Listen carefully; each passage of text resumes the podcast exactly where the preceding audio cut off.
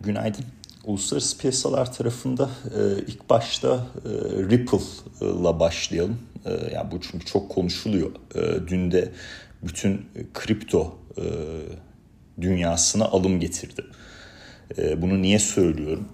ABD reel getirilerinde aslında çok ciddi bir geri çekilme yaşanmasına rağmen 10 yıllık reel getiriler 1.8'den 1.50'lere gelmesine rağmen Bitcoin'de 31 binin üzerine bir rakama bir türlü gidememiştik.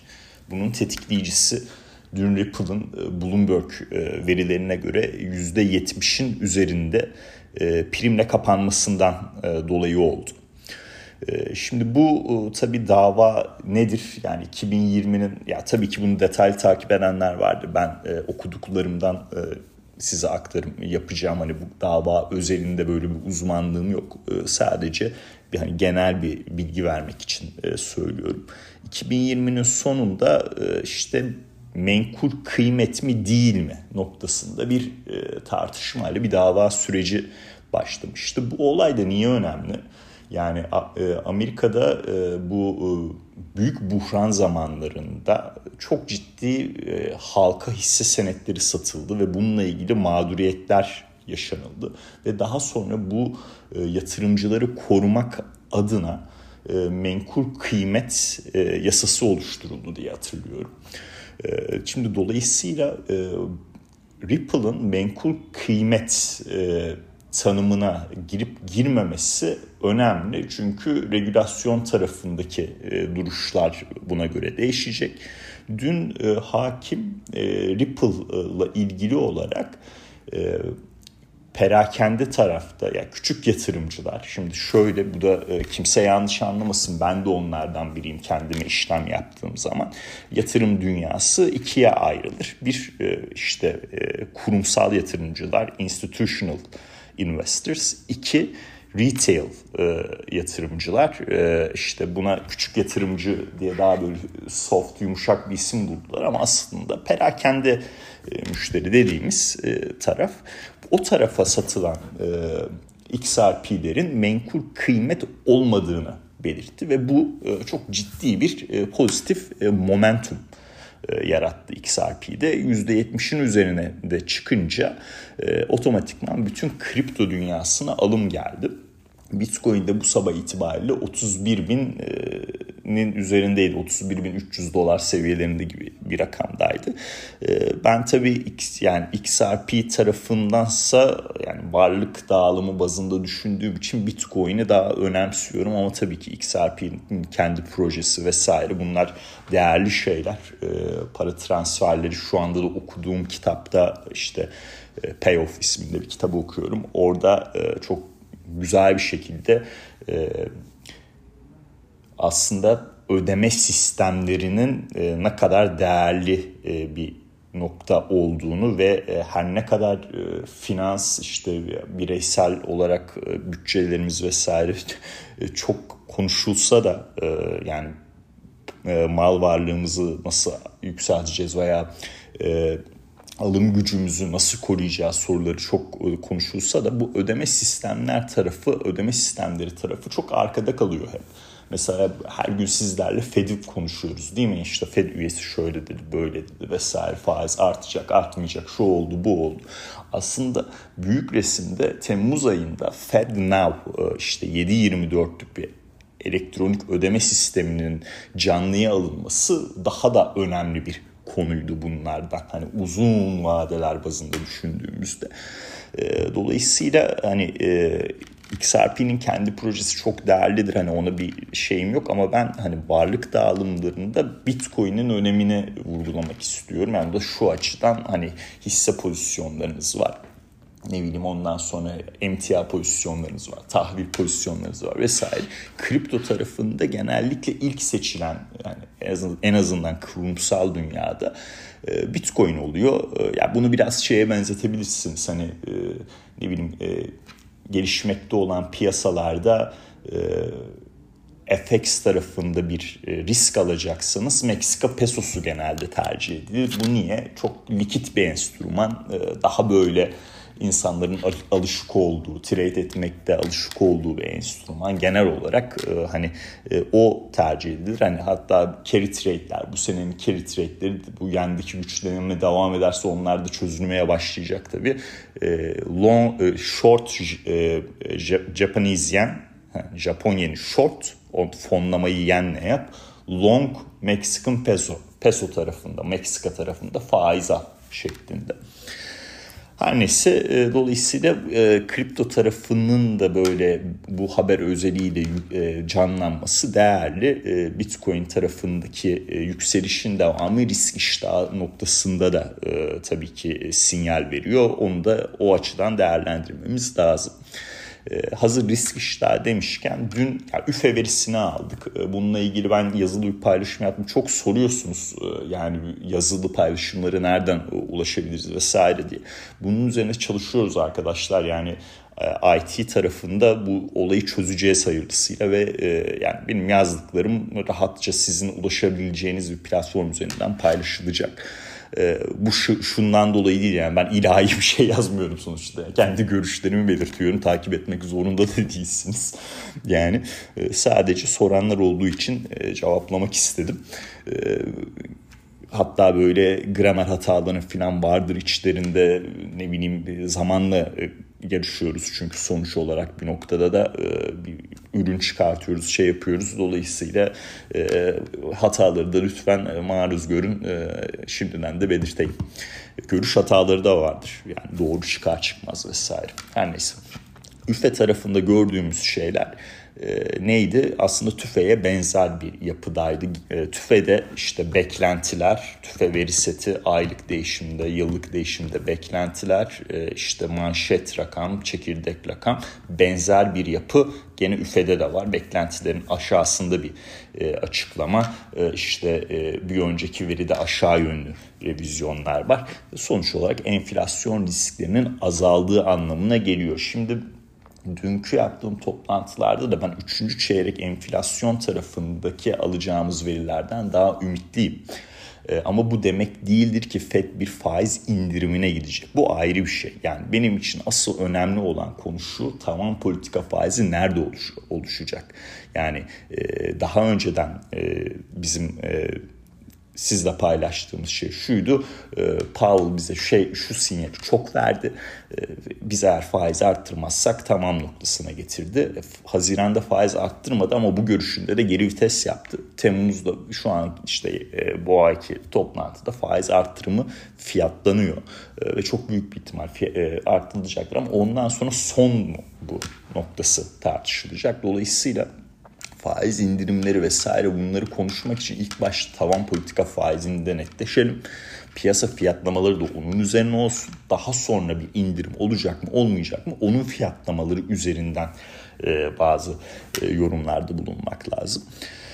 E, dünkü üfe verisiyle beraber e, gerçekten risk iştahı gene e, sağlam bir şekilde devam etti. Yani S&P 500 uzun zamandan sonra 4500 seviyesi üzerinde bir kapanış yaptı.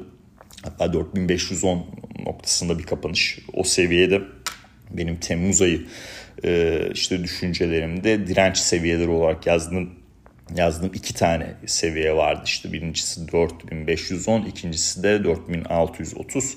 Bu ilk direnç e, noktasına gelmiş olduk. Ee,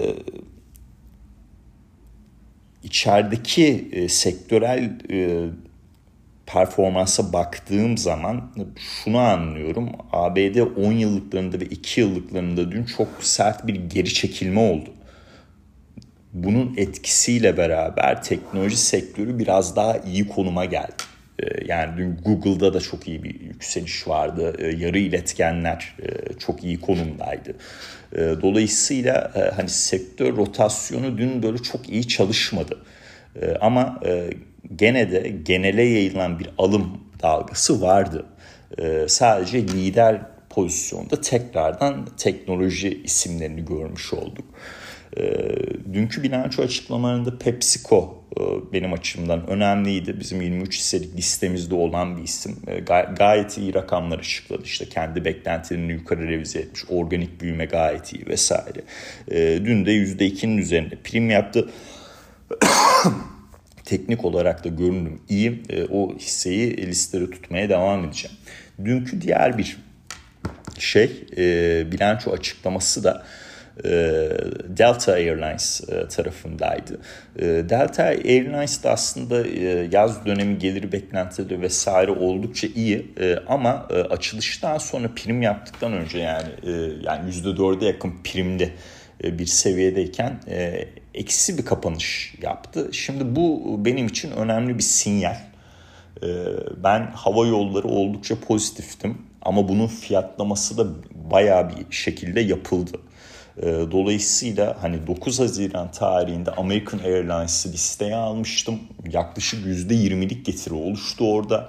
Ee, yani e, Delta her ne kadar çarpanları biraz daha yüksek olsa da o bilanço sonrası bir kar satışı yemesi e, beni biraz e, acaba bugün yapacağım değişiklikte daha da fazla risk almadan daha doğrusu daha açgözlü davranmadan e, bir ayda oluşan sağlam getiri sonrası American Airlines'ı da e, kar realizasyonu yapıp başka bir hisseye eklemek mi şeklinde düşündürmüyor değil. E, dolayısıyla bunu yapabilirim. Ama maalesef piyasalarda fiyatlamalar çok hızlı oluyor. E, asıl olan e, yani buna proaktif bir şekilde müdahale edebilmek. E, kendi düşüncelerinizde ve e, çok da fazla açgözlü olmamak e, günün sonunda. E, dolayısıyla böyle bir değişim yapabilirim. Haberiniz olsun. onun dışında da bugün yani ABD tarafında bilanço sezonu resmi olarak başlayacak. Yani niye resmi diyorum? Ya eskiden mesela Doğu tarafında Alcoa bilançosuyla resmi olarak başlardı. Daha sonra Doğu'a Nike'ı dahil ettiler. Nike ilk başta açıkla, açıklamaya başladı ama bir resmi açıklama dediğimiz şey yani önemli bir sektörden finansal şey e, bilanço rakamlarının gelmesi. E, burada da ABD'den e, e, bankaların bilançolarını alacağız. İşte bugün JP Morgan, Wells Fargo ve Citigroup bilançolarını açıklayacak. Bu bilançolar arkadaşlar hem finansal sektörün gidişatı hem büyüme risklerini daha iyi anlamamız açısından önemli. Yani kredi daralması veya işte bankaların ne nasıl bir öngörülerde bulunduğu e, sorunlu kredilerde ne kadar artış olduğu bunlara karşılık ne kadar karşılık ayrıldığı vesaire bunların hepsi önemli olacak. E, yani yılın ikinci yani FED işte o tavan politika faizine geldikten sonra gidişat e, yani enflasyon tarafından çok bence büyüme riskleriyle şekillenecek. Dolayısıyla büyüme risklerini anlayabilmemiz için e, finansalların açıklayacağı bilançoları iyi takip etmemiz lazım. Önümüzdeki dönemle ilgili olarak öngörülerinde özellikle bu açıdan değerli olacaktır. E, bir de e, e Michigan Üniversitesi Güven Endeksini alacağız. E, orada da e, ya hem tabii ki tüketici güveni hem de enflasyon beklentileri tarafı e, piyasa açısından e, yakinen takip edilecektir. Şimdi önemli bir gelişme de Fed'in kadrosunda var. E, dün James Bullard e, yani Fed'in en şahin üyesi e, nokta grafikte net olarak görebildiğiniz böyle en yukarıda olan en böyle en politika faizi daha da yukarı olsun daha en yukarı neresi olabilir sorusunda James Bullard'ı işaretleyebilirsiniz. O e, istifa etti. daha doğrusu görevi bırakacağını belirtti. E, yani önemli bir e, üniversite daha ABD'de e, Business School'un başına geçiyor. E, bu tabii önümüzdeki dönemde nokta grafikleri ve ekonomik beklentiler e, tarafını etkileyecektir yani nokta grafikte Bullard'ın çıkması medyanı e, böyle biraz böyle aşağı doğru çekebilir. E, dolayısıyla e, bu da aklımızın bir köşesinde kalsın. Tabii direkt çıkar mı ondan emin değilim. Belki yerine biri gelince onun öngörülerini çıkartıyorlardır ama yani mantıken eğer bir işi bırakıyorsanız sizin de öngörüleriniz, görüşleriniz artık o kurumun bünyesinde olmaması lazım. Ee, dolayısıyla e, ben nokta grafikte Eylül ayında daha böyle e, bulurdu göremeyeceğimiz bir yapı olduğu için e,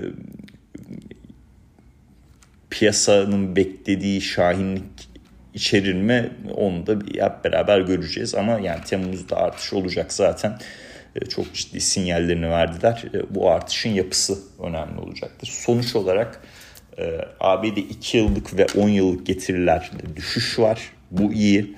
Bugün bilanço sezonunda finansalları alıyoruz ve finansallardaki geleceğe dönük öngörüler, büyüme risklerini anlamamız açısından önemli. Hisse senetlerinde risk iştahı olumlu seyrediyor. S&P 500 4500'ün üzerinde kapanış yaptı. Bu da iyi. E, havacılık sektöründe delta sonrası bir miktar kar satışı görüldü. Dolayısıyla biraz daha artık orada temkinli olmak lazım. E, Delta Airlines sonrasının kapanışına bakarsanız anlarsınız. E, ve onun da dışında kripto e, dünyası Ripple'ın Ripple özelinde gelen haber akışıyla daha olumlu bir yapıda Bulurt'a da Şahin görüşleri için teşekkür ediyor ve bundan sonraki hayatında başarılar diliyoruz tabii ki. Dinlediğiniz için teşekkürler. Herkese mutlu günler dilerim.